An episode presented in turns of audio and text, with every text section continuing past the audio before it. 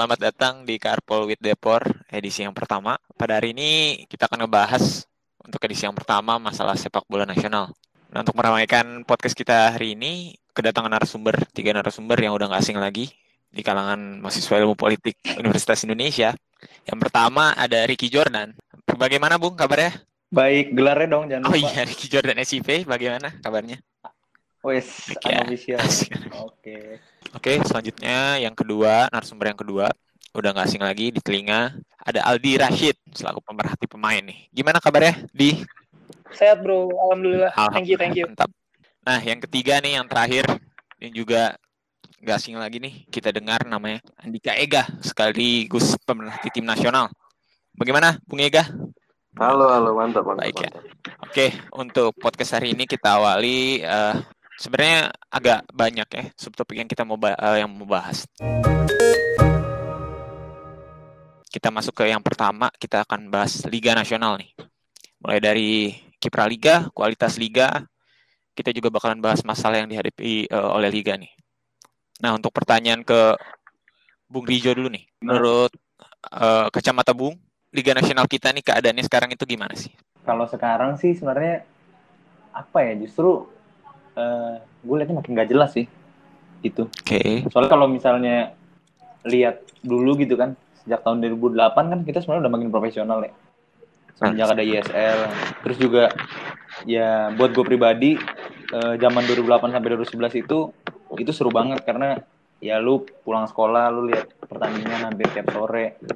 Bahkan gue masih inget banyak banget pemain di zaman-zaman itu yang apa ya misalnya kayak Noah Lamsia, Salto gitu gue gue selalu inget sih. Jadi bagi gue 2008 sampai 2011 itu fase yang paling seru.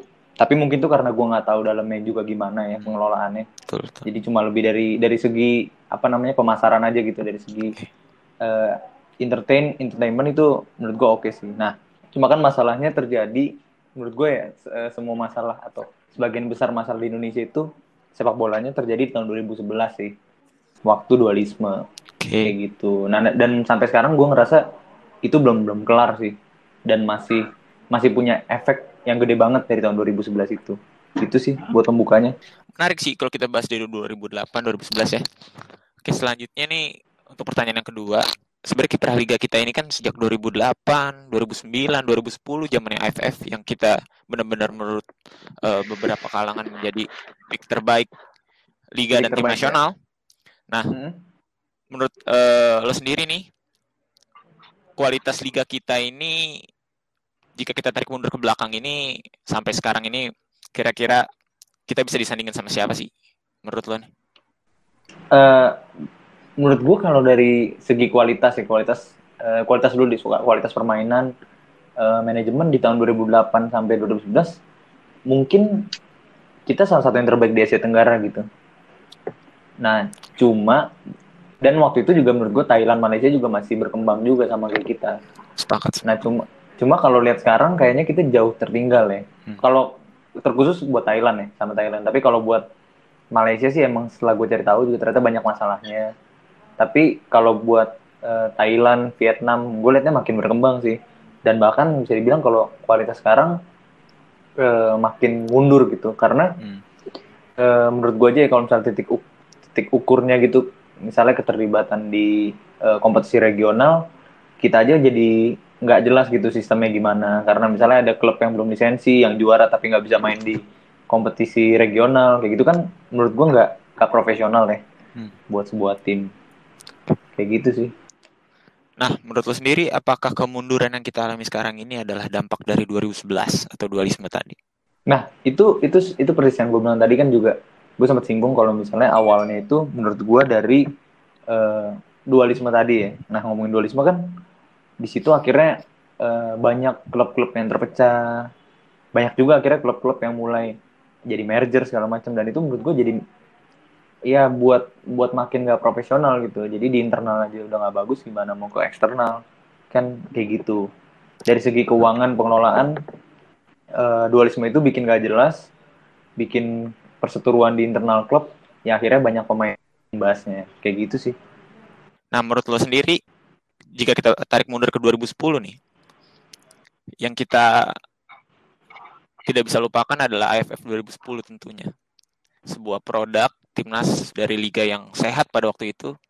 Namun setelah bertahun-tahun kemudian ada isu isu yang keluar bahwa hasil liga dan uh, tim nasional pada waktu itu adalah semuanya itu boneka atau bisa dibilang ada indikasi pengaturan skor pada tahun itu. Padahal yang kita lihat perform perform timnas itu nggak pernah kalah. Yeah. Menurut lo sendiri nih, ada ada apa uh, ada pertanyaan di sini di 2010 ini dengan timnas yang performanya segitu bisa mendominasi di AFF apakah ini adalah hasil liga di tahun 2010 yang profesional atau yang konsisten dalam tahun 2010 itu sendiri? Hmm, gue sebenarnya nggak bisa ngasih jawaban mutlak kayak pasti gitu. Cuma menurut gue ada kecenderungan sih karena itu tadi dari 2008 sampai 10 misalnya ditarik gitu ya. Sebelum timnas itu emang uh, bisa dibilang jadwal liga itu berjalan secara konsisten gitu.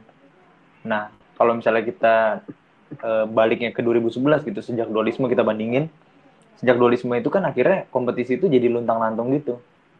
Sempat ada dua, dua kompetisi terus tiba-tiba akhirnya untuk menyelamatkan itu kompetisinya dibekuin dulu. Akhirnya kompetisinya dibikin A dibikin kalah presiden dibikin B buat segala macem.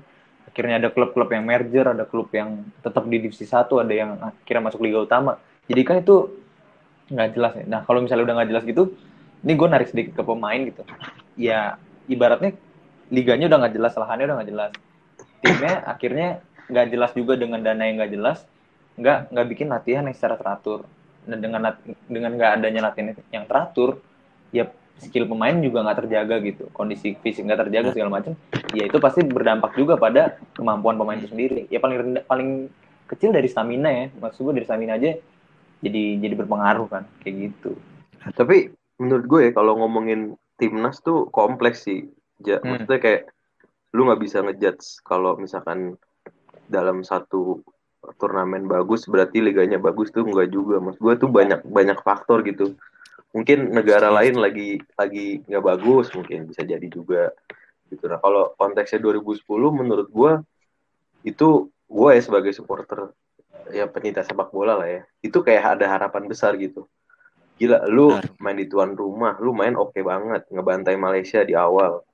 Sampai lu semifinal gitu. Di Jakarta gue juga sempat nonton ke stadion dan segala macam. Itu juga kayak harapan baru buat Indonesia. Lu bayangin sebelum tahun 2010 kayaknya gue belum nemu lagi tuh GBK 10 itu. Sampai gue duduknya di tangga bro. Itu kayak jadi tanda kalau misalkan memang 2010 itu itu apa animo, uh, animo masyarakat iya, juga ya jadi emang banyak faktor menurut gue dan Okay. Liga emang salah satu faktor yang berpengaruh. Menurut gua kenapa sampai sekarang nggak maju-maju ya sepak bola Indonesia ya karena liganya juga nggak dikelola dengan baik gitu. Oke, menarik sih kalau kita tarik uh, dari liga ke timnas memang kedua bagian ini nggak bisa dipisahin ya. Setelah kita bahas ada dualisme dan segala macam, terus kita juga berkaitan dengan timnas 2012 kita ngirim timnas ke AFF timnas dengan AFF timnas AFF ada dua kan? Yang satu ke Australia iya, timnas dari KPSI yang kita iya, ingat iya, waktu iya. itu? Dengan bintang di tahun 2010 2011 dikumpulin di KPSI eh, KPSI waktu itu ya? Iya. dan timnas IPL Indonesian Premier League ditambah Bambang Pamungkas selaku pemain dari liga uh, tandingan dimasukin di situ. Di tahun 2012 kita ngirim itu. Nah menurut lo nih uh, sebagai pemerhati liga sekaligus Ega boleh jawab juga sekaligus pemerhati timnas. Di 2012 ini kita tahu juga di FF 2012 Singapura ini sangat kuat di situ. Diunggulkan juga uh-huh. untuk menjuarai turnamen itu. Yang kita ingat tuan rumahnya di Malaysia waktu itu 2012 menurut kalian nih apa sih penyebabnya ketika kebijakan dari federasi yang memutuskan untuk mengirim uh, player-player IPL untuk bertanding sementara yang kita tahu bersama bintang-bintang itu ada di liga tandingan. Okay. Menurut kalian urgensi mereka mengirim untuk memaksakan pemain-pemain IPL yang walaupun kita tahu mereka adalah mungkin di di klubnya bukan pilihan utama, kenapa bisa mereka dikirim? Mungkin dari Rijo boleh okay. jawab dulu. Kalau gue sih sebenarnya itu kualitas aja sih. Sebenarnya kalau dari segi uh, pengorganisasian mungkin PSSI punya. Gue jawab mungkin karena gue nggak tahu ya sebenarnya uh, pilihannya kenapa. Cuma lebih ke aspek legalitas dan mereka ya menjaga martabat aja karena mereka kan udah memilih LPI sebagai liga utama kan itu sedangkan uh, liga satunya lagi kan sebagai liga tandingan kalau misalnya lu uh, memilih pemain dari sana berarti lu mengakui adanya kompetisi yang ilegal gitu. Padahal sebenarnya ya kalau misalnya bawa nama timnas Indonesia sebenarnya sah-sah aja kan mau dia pemain profesional, mau mereka pemain uh, semi profesional kalau misalnya mereka punya kemampuan atau dipilih sama pelatihnya kan sebenarnya oke-oke aja gitu. Sepakat sih. Kalau dari gue dualisme okay. itu pemain tuh jadi korban sih menurut gue ya. Karena itu balik lagi ke tadi yang sempat Rijo juga singgung masalah pengorganisasian gitu. KPSI waktu itu kalau nggak salah dipimpin sama Lanyala ya. Ya nggak sih? Lanyala sama kali betul, betul. Lanyala betul. Nah terus satu lagi Johan Arifin ya. Siapa sih? Gue agak lupa. Johan Arifin PSSI. Nah menurut gue uh, kedua organisasi ini tahu kalau sepak bola ini isu yang sangat seksi gitu di Indonesia. Lu gampang nggak apa uh, punya backingan kasarannya ya, dari seluruh masyarakat Indonesia ketika lu satu satu arah sama apa yang masyarakat Indonesia pengen gitu. Hmm. Siapa sih yang nggak pengen lihat timnasnya dihuni sama bintang-bintangnya gitu? Itulah kenapa kenapa menurut gua KPSI itu kekeh untuk uh, tetap ngeluarin, ngeluarin uh, timnas mereka gitu. Nah, pada akhirnya pun KPSI kan menurut gue juga main politik juga gitu. Mereka anggap bahwa mereka tuh kayak malaikat gitu buat nyelamatin sepak bola Indonesia. Cuma pada akhirnya ketika Lanyala juga mimpin PSSI, nggak banyak yang berubah kan gitu loh. Nggak banyak yang bisa nggak nggak banyak yang bisa bisa dia buat gitu buat sepak bola Indonesia. Itu sih menurut gua kendalanya. Dan kenapa dan yang jadi korban ya pemain sih. Pemain tuh ya jadi kayak beneran bonekanya mereka aja gitu. Apa ya bukan boneka sih maksudnya ya ketika mereka disuruh main ya akan main. Karena mereka baik lagi mereka juga punya kebutuhan dan segala macam gitu ya pasti mereka juga cinta timnas gitu. Dan siapa sih yang nggak mau dipanggil main timnas gitu?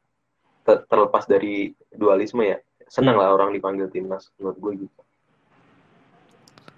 Oke menarik ya kalau kita bahas masalah dualisme di tahun 2011 ada dampaknya juga pada pengiriman timnas di AFF 2012 oke uh, selanjutnya nih pertanyaan buat Rijo. Kita masih bahas masalah liga tadi agak sedikit keluar dari subtopik yang pertama sebenarnya uh, masalah yang kita hadapi nih, kenapa liga kita seperti ini sekarang nih, sebenarnya apa sih? Uh, jadi gini ya, kalau gue tuh sebagai anak banpol nih. Oke. Okay. Anak banpol jadi gak bisa lepas dari perbandingan ya. Perbandingan, ya, betul. Biar ada ilmunya lah dikit gitu. Nah, bagi gue sih mungkin aja apple to apple gitu. Coba gue pengen kita berkaca sama Inggris gitu. Inggris di tahun 90-an. Hmm. Kalau dibilang ah Indonesia tapi emang awalnya dari awal udah hancur kali makanya nggak bisa dibenerin. Nggak juga gitu karena Inggris tahun 90 80-an akhir ke 90-an awal tuh hancur juga dengan isu hooligannya ya. Isu sampai bunuh-bunuhan kejadian di Hazel segala macem. Itu kan sebenarnya kacau ya sampai akhirnya pemerintahnya intervensi gitu. FA-nya juga ikut terlibat buat ngubah itu semua. Nah kalau bagi gue sebenarnya masalahnya juga ada liganya itu emang dari awal udah nggak jelas itu liga Indonesia itu selalu selalu berubah-berubah gitu. Formatnya selalu berubah-berubah. Hmm. akhirnya sepak bola itu menurut gue belum jadi pekerjaan. Belum jadi pekerjaan yang dipilih atau ya kalau misalnya cita-cita lo apa? Pengen jadi dokter. Itu kan kayaknya aman. Pengen jadi apa? Betul. PNS gitu. Aman. Tentara polisi. Nah kalau misalnya jadi main bola hah? Serius gitu. Yakin mau makan apa gitu. Nah itu itu akhirnya yang, yang gue bilang jadi kayak awalnya liganya udah nggak karena ya mungkin tadi yang dualisme tadi tuh akhirnya liga kita sampai sekarang nggak jelas. Bisa tiba-tiba mulai Maret bisa tiba-tiba berhenti nanti mulai lagi Oktober udah musim yang baru terus tiba-tiba mulai lagi Januari atau gimana segala macam gitu. Itu kan nggak jelas nah coba lu bandingin sama Inggris atau liga-liga lain kan itu kan berjalan secara teratur ya. Ada yang mulai dari Januari atau ada yang mulai dari September gitu misalnya atau Agustus. Itu kan berjalan dengan teratur. Nah itu yang yang gue bilang kayak e, sebenarnya permasalahan dari Indonesia tuh liganya udah nggak jelas akhirnya iklim investasi di Indonesia itu juga sepak bolanya nggak jalan gitu. Makanya lu bisa lihat eh, sponsor-sponsor itu di liga gitu ya sponsor utama itu bisa tiap tahun berubah. Bisa tiba-tiba Traveloka tiba-tiba Liga Shopee Gojek. ya you name it lah banyak lah gitu. Sponsornya nggak jelas. Akhirnya keuangan di klub juga jadi nggak sehat gitu. Apalagi kan kita udah nggak boleh bergantung sama APBD kan. Udah sejak lama gitu.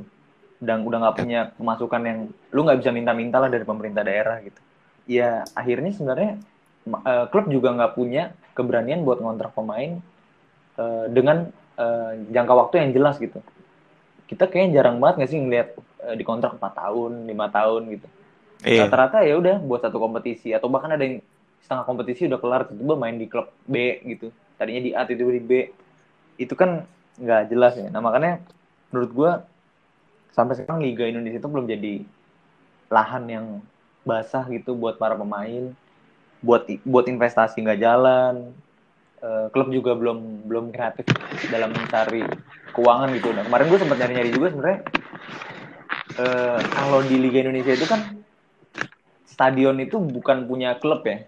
Iya daerah. daerah biasanya. Punya daerah gitu. Nah salah satu klub yang ngontrak atau minjem itu yang menurut gue cukup salut eh, yang bikin gue cukup salut tuh Bali United kan. Dia, dia ngontrak tuh sampai 10 tahun supaya uh, stadion itu jadi kelola gitu. Nah gue juga sebenarnya membayangkan itu mungkin sebenarnya pemerintah juga punya bisa punya andil buat memberikan keringanan supaya klub itu bisa tetap bermarkas di situ. Karena gue juga bete nih kalau misalnya anggaplah Persija tiba-tiba bisa main di Solo tiba-tiba bisa main di Malang tiba-tiba bisa main di Jakarta tiba-tiba bisa main di Makassar segala macam. Itu kan ya memang e, kalau gue baca tuh banyak alasan keamanan segala macam. Itu balik lagi ke vandal vandalisme ke perusahaan sport tapi kan itu buktinya Inggris juga bisa loh yang dulunya terkenal dengan segila-gilanya orang gitu.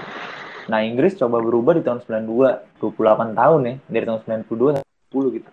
Nah Indonesia kalau belum mulai dari sekarang mau mulai kapan gitu mau sampai kapan? Kalau misalnya kita ngikutin jalur Inggris aja at least butuh 10 15 tahun gitu. Buat nyampe level Thailand mungkin begitu nah makanya panjang sih gue juga bilang iklim investasi yang nggak jalan karena liganya yang carut marut.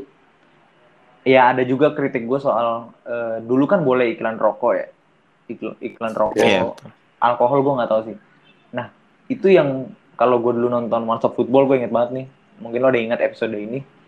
Salah satu pembahasan di Thailand itu kenapa maju? Karena boleh. Alkohol. Oh iya jadi akhirnya mereka kan gede tucang merek sedang kan tinggi.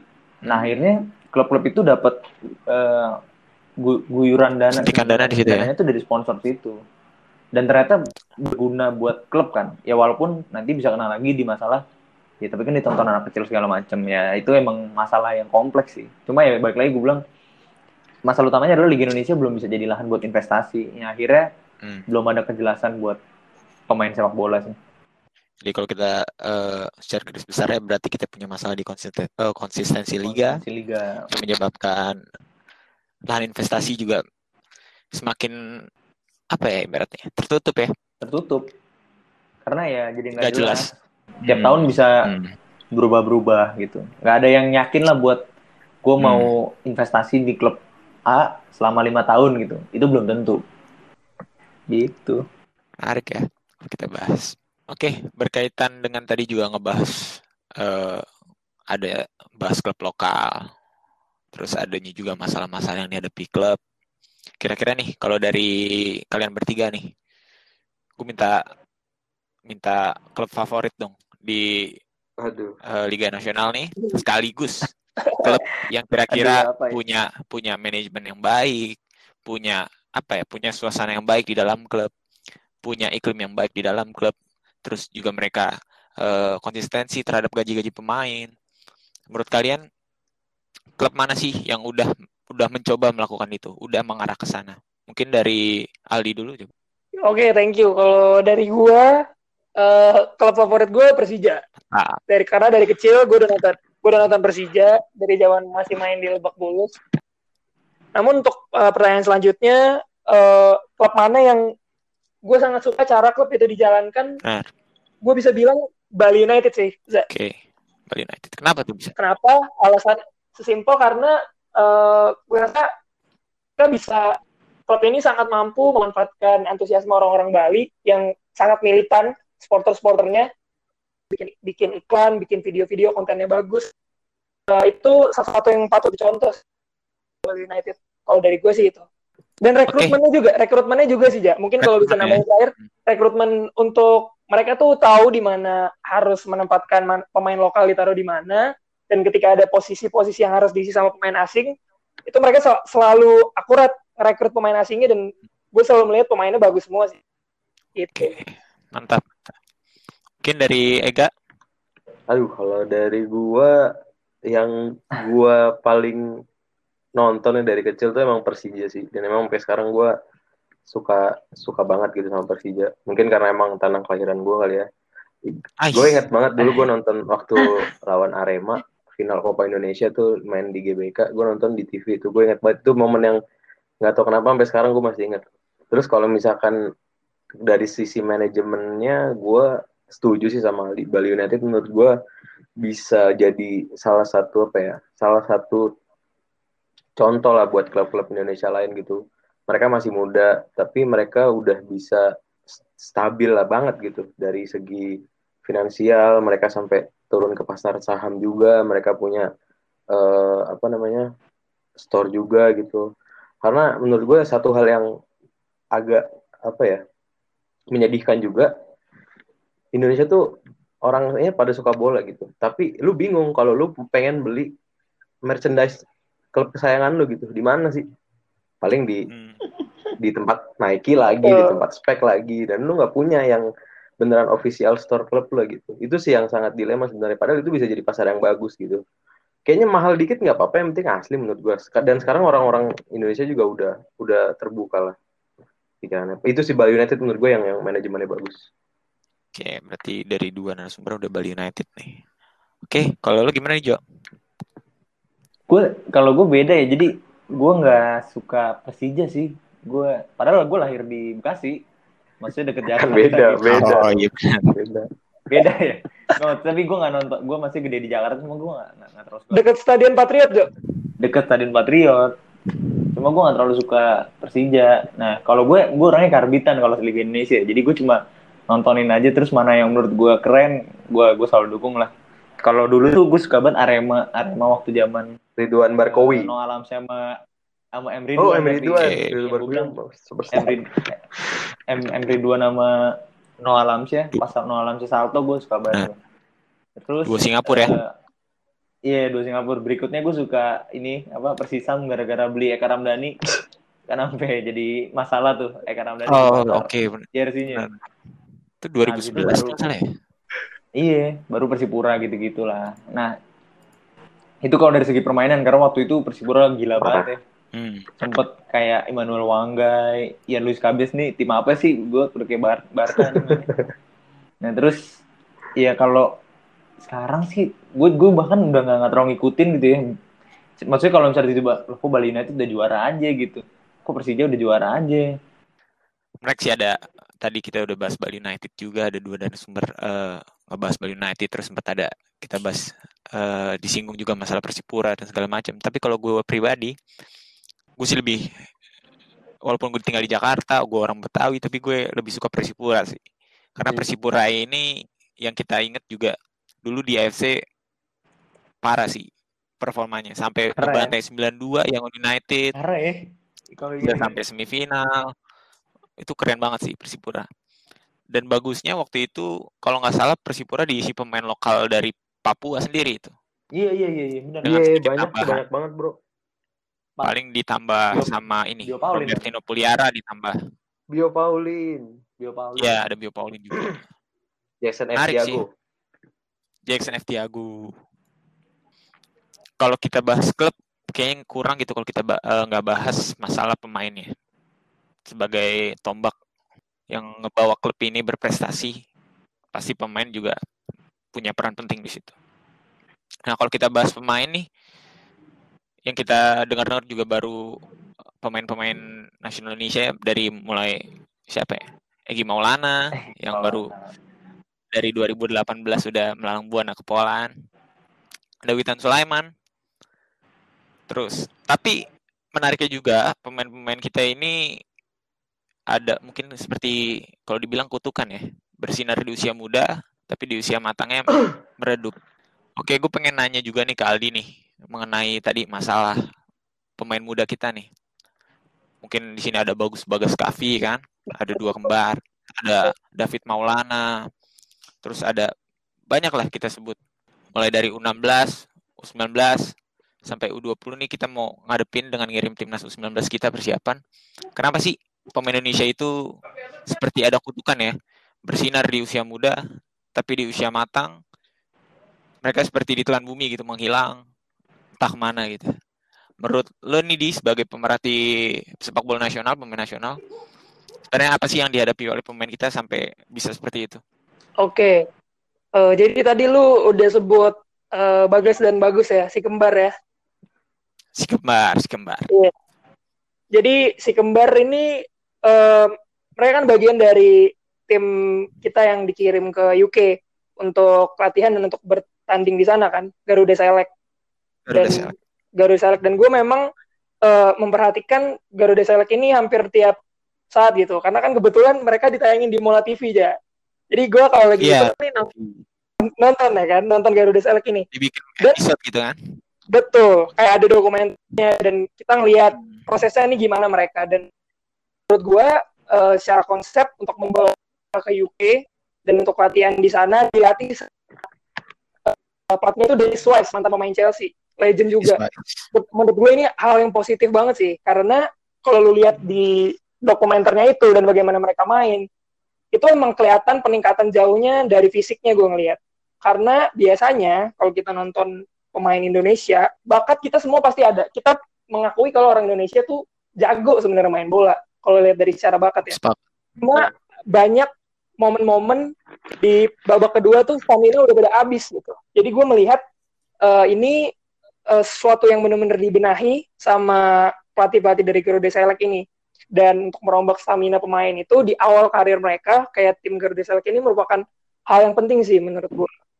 Nah, tadi juga gue melihat nih uh, pemain muda di Indonesia suka uh, muncul dengan bersinar terus lama-lama dia meredup gitu kan pertanyaannya aja iya gue melihat sebenarnya penghambat utamanya salah satu faktornya ya adalah banyaknya pemain asing di suatu tim itu faktor pertama yang gue lihat uh, contoh mungkin kalau kita mundur sedikit ya ke sekitar tahun 2005-2006 waktu itu masa jayanya Persik Kediri mereka seperti yang kita tahu punya Danilo Fernando, punya Fagundes, punya Christian Gonzalez.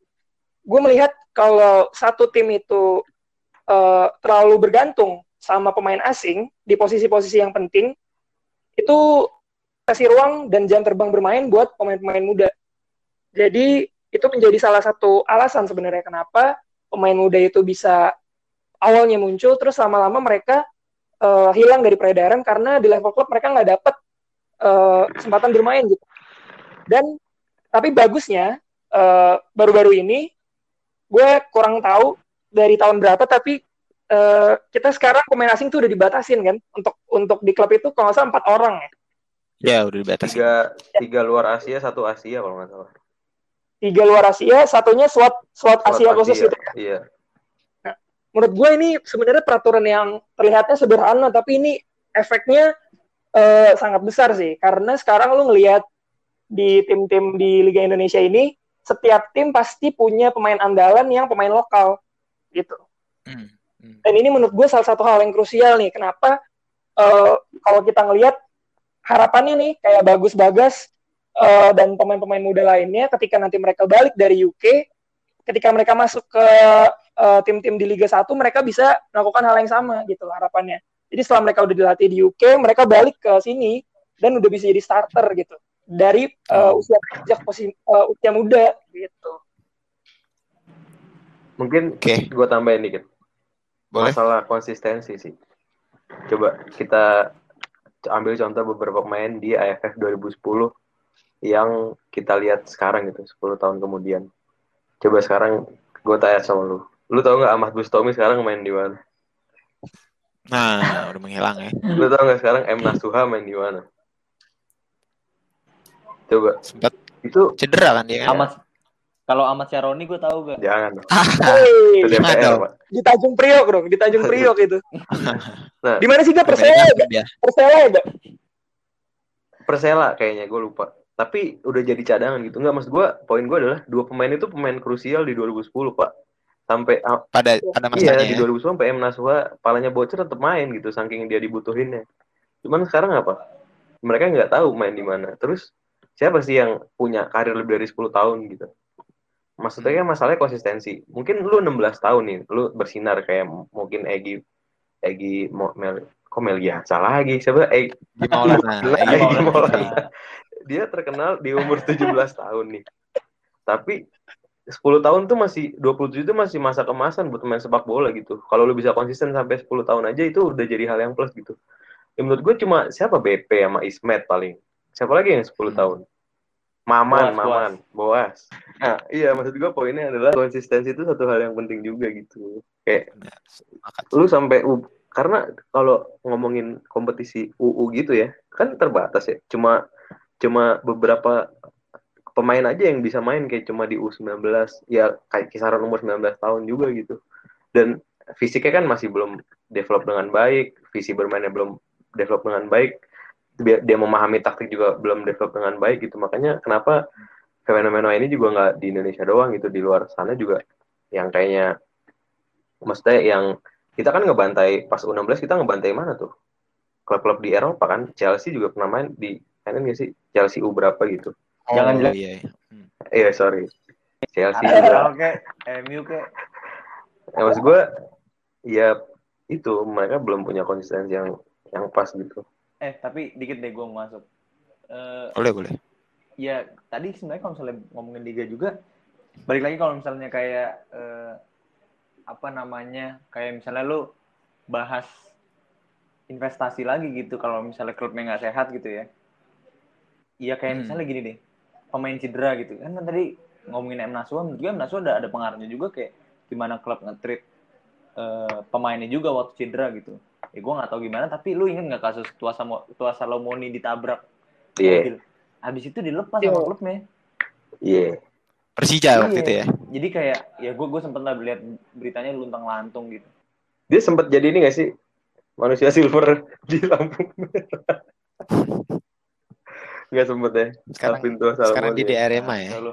jadi kayak gitu jadi gue ngerasa kayak kayak M Nasua dulu eh, inget nggak lu bek kanan Persib Jajang Jajang Sukmara Jajang Sukmara Sukmara tuh di tahun 2000 berapa ya 14 kali apa 2013 tuh jago banget jago banget terus tiba-tiba cedera ngilang nah tapi jangan sampai gue bahas Kurnia Mega nih ini kontroversi soalnya jangan Nggak usah ya. jangan. Jangan. Jadi kayak ya kalau misalnya ngomong konsistensi tadi ya balik lagi ke iklim liganya nggak sehat, klubnya nggak sehat, nggak punya pilihan lagi untuk memper- mempertahankan pemain yang cedera. Jadi mending gua pakai pemain yang fit-fit aja yang lagi oke gitu performanya. Benar Benar, benar. setuju Gitu. sih sempat juga tadi dibahas masalah kesempatan bermain dalam klub oleh Aldi nih. Sekarang jadi kita eh, kesannya seperti kehabisan stok ya. Kayak striker sekarang diisi oleh pemain Nah, asing. Beto Iya. 38 tahun mayoritas ya kan. Iya. Nah, Bet yang menarik Beto ini kalau gue nonton-nonton dan baca-baca artikel sepak bola, Beto ini ditakutin oleh para kiper nih katanya di Liga 1. Karena Nggak tahu kenapa kayak nggak tahu dari sosok atau emang dari skillnya ya. atau memang Gini, anggo- gini. anggota ormas takutnya. Tapi emang kita nggak bisa pungkiri bahwa dia adalah pemain yang hebat lah. atau dia emang mata Tapi- elang Tapi gini ya, Waduh. tapi gini gini aja, tapi gini aja. Kalau soal- kalau soal Beto ya, kalau soal Beto, ini sebenarnya kita sama-sama ingat nih. Nih gue pengen eh, nanya ke Ega dari Jo. Pas kita nonton 2009 tuh Beto udah main kan? Udah, Udah. udah, udah. Iya kan? Hmm. Gue heran kenapa dia eh, dipilih untuk dinaturalisasi pada saat umurnya udah segitu Iya gitu benar loh. sih setuju Hmm. waste, waste banget sih. Kenapa? Karena uh, mungkin yang akan lebih tepat buat dina- dinaturalisasi dan emang cocok mungkin Spaso. Kalau menurut gua, kalau buat dinaturalisasi buat timnas. Kenapa nggak Eh, iya, iya. misalkan natur- naturalisasi buat usia sebeto itu menurut gua udah nggak udah nggak ideal lagi sih terlepas uh, tadi Erza bilang banyak yang menakuti di, menakut takut sama dia atau segala macam gitu menurut gua itu uh, kurang bagus juga sih Iya, iya. bahkan saking jagonya sampai dibikinin lagu sama Iwan Fals tuh si Beto bukan. Bento, Bento, tuh Itu Bento. Tahu gak sih Ega ngomong udah dua menit nih nungguin nih. Ah, nih jokes nih. Gak apa-apa ya, usaha slow. Eh, Iya, iya benar-benar. Berarti di sini juga ada masalah kepercayaan kepada pemain nasional ya. Padahal kita punya striker-striker kayak model Lerby, Boa Solosa juga umur- umurnya juga lebih muda dari Beto padahal. Iya. tapi tapi gue melihat ini sih gue melihat gak tahu dengan yang lain setuju atau enggak gue melihat beberapa tahun ini pemain-pemain kita yang hebat tuh justru munculnya sayap banyaknya Benar, benar. sayap kiri benar. atau sayap kanan Sepakat. yang model-model yang model-model bisa dribble bisa bisa ngetrik justru kita bomber yang bener-bener finisher tuh kita hmm. Gak ada gitu gue rasa sekarang. Emang terkenal Indonesia gaya bermain lewat sayap sampai out. Iya kan? Iya masuk, kan? masuk masuk ke dalam kotak. Permasalahan di finishing itu biasanya yeah. tuh. Iya, Makanya ditaruh deh. Tapi nggak ada tapi nggak ada nggak ada end product, yeah. nggak ada end productnya biasanya. Nah kalau masalah sayap nih dari kalian bertiga nih, sayap Indonesia yang paling nggak bisa dilupain lah, mulai dari cara bermain, dari prestasi mungkin atau dari gaya mereka bermain di klub, di timnas. Kira-kira sayap yang paling cemerlang sepanjang masa Indonesia kira-kira siapa? Coba mulai dari Aldi, boleh Didi? Oke, okay, uh, eh, kalau dari gua mungkin kalau pertanyaannya sayap yang paling cemerlang uh, kalau gue tarik ke masa lalu gue nggak nggak bisa banyak melihat yang secara personal gue suka okay. gitu ya. Jadi mungkin gue akan menjawabnya beda beda dikit. Boleh, gue akan jawab sayap favorit favorit gue sekarang siapa gitu. Dan kebetulan memang pemain ini gue udah pernah hmm. nonton live gitu. Jadi waktu kalau nggak salah ketika kita pertama kali GBK di habis direnov itu yeah, kita lawan Iceland ya lawan Islandia kan nah lawan Islandia. Nah di pertandingan itu Egi itu kan masa jadi pemain cadangan terus masuk. Iya kan? Hmm, Egi MV hmm. masuk kalau nggak salah deh. Oh iya iya iya. Iya kan? Di pertandingan itu dia nggak jadi starter uh, tapi dia terus masuk menit berapa gitu. Dan sebelumnya gue ngeliat ngeliat si Egi ini cuma di TV doang kan? Kayak oh ini emang kelihatannya jago gitu. Tapi ketika gue ngeliat dia masuk beneran main pakai mata gue sendiri itu gila sih. Karena gue ngeliat gue nggak pernah ngeliat pemain kita yang main di posisi sayap kanan kaki kiri bisa masuk ke dalam bisa ngobrak ngabrik dan waktu itu yang di yang dibikin kerepotan tuh Islandia gitu maksudnya tim Eropa hmm. gitu harapannya sih gue uh, setelah hari setelah hari gue menonton dia itu gue selalu mantau dia di YouTube gue cek cek beritanya gimana nih perkembangannya karena menurut gue perlu dijaga sih karena biasanya biasanya gue melihat sayap-sayap Indonesia di masa lalu itu orang tipe-tipe yang ngedribble habis itu crossing ke dalam ke striker. Sementara si Egi ini tipe yang bisa bikin gol sendiri bisa bikin peluang sendiri gitu. Jadi aset sih buat timnas kita dan harus dijaga ini si Egi ini hmm. gimana supaya jadi pemain top beneran gitu. Menarik ya. Yang pertama kali melihat bakat dia itu Indah, Indah Syafri ya. Dibawa dari Medan iya. ke Jakarta untuk trial bersama timnas waktu latihan dibawa terus lanjutin sekolah olahraga di Ragunan dan kita bisa lihat iya. perkembangannya sampai sekarang udah hebat ya udah bisa main di klub ternama di Polandia oke boleh kayak gak main sayap nih yang paling top menurut lo kalau sayap sebenarnya baru-baru ini banyak ya cuman uh, eh, gue lebih milih ini sih si Lili Pali. Lili Pali. Gue gue nggak tahu dia itu lebih kan apa lebih nyaman main di belakang striker atau sayap. Cuma menurut gue di sepertiga uh, kalau misalkan udah nyampe pertahanan lawan tuh ya dia bahaya banget sih menurut gue dan efektif itu sih yang penting kayak lu bisa lihat siapa pemain yang dribble bagus gitu cuman kalau nggak ada end produknya ngapain gitu Cuma satu lagi nih, gue ngefans sama back timnas muda nih. Nur Hidayat bisa beliin Mini Cooper ke ceweknya. Ah, kok. Menurut gue itu sebuah bukti gak bahwa bahwa sepak bola nasional udah bukan udah apa ya, bukan nggak sembarangan Tapi kata dia bukan kata dia profesi kata dia bukan sepak bola. Duitnya bukan dari sepak bola, Bro. Bukan kaleng-kaleng. Dari forex kalau nggak salah duitnya. Ah, gokil. Bener nggak sih? Iya. Jangan binomo, binomo. Ya binomo boleh masuk sponsor. Oke lanjut, Rijo siapa tuh Jo? Lanjut, Rijo sekarang. Gimana Jo? Sayap Jo, gua, sayap. Kalau sayap yang paling gue suka nggak ada, yang paling gue nggak suka ada. Andik. Andik. Kenapa? Menarik. Gue paling nggak suka. Gue mulai nggak suka waktu di tackle Beckham. Oh, 2011. Mulai Galaxy. Mulai, mulai drama di langsung langsung merasa keren Jo habis itu Jo langsung merasa keren Jo habis itu Jo di mana kerennya orang di tackle diminta terus jersey dipajang diliput infotainment itu kan kacau enggak itu bercanda tapi kalau yang gue suka tuh eh, dulu Bayu Gatra ya Bayu Gatra masih main sekarang cuma karirnya redup Fendri Mofu dulu gue suka cuma redup terus gue sempet eh, agak pede Ilhamuddin sebenarnya Ilhamuddin juga menurut gue yeah.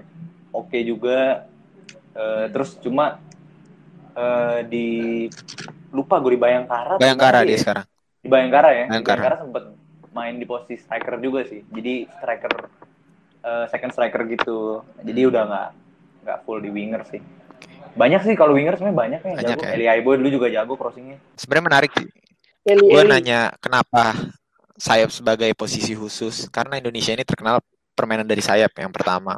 Terus yang kedua pemain yang mungkin yang bisa dibilang banyak muncul bintang itu dari sayap. Kita bisa lihat kayak model Sadil Ramdhani sekarang punya visi bermain yang sangat bagus. Kita bisa lihat golnya Beto kan.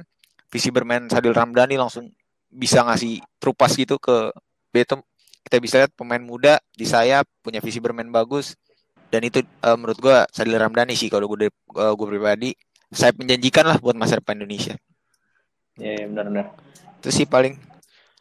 Oke eh, sedikit lompat tadi Aldi sempat bahas nih masalah Garuda Select dan segala macam yang kita sayangin juga Garuda Select ini bukan program inisiasi dari PSSI malah ini dari swasta.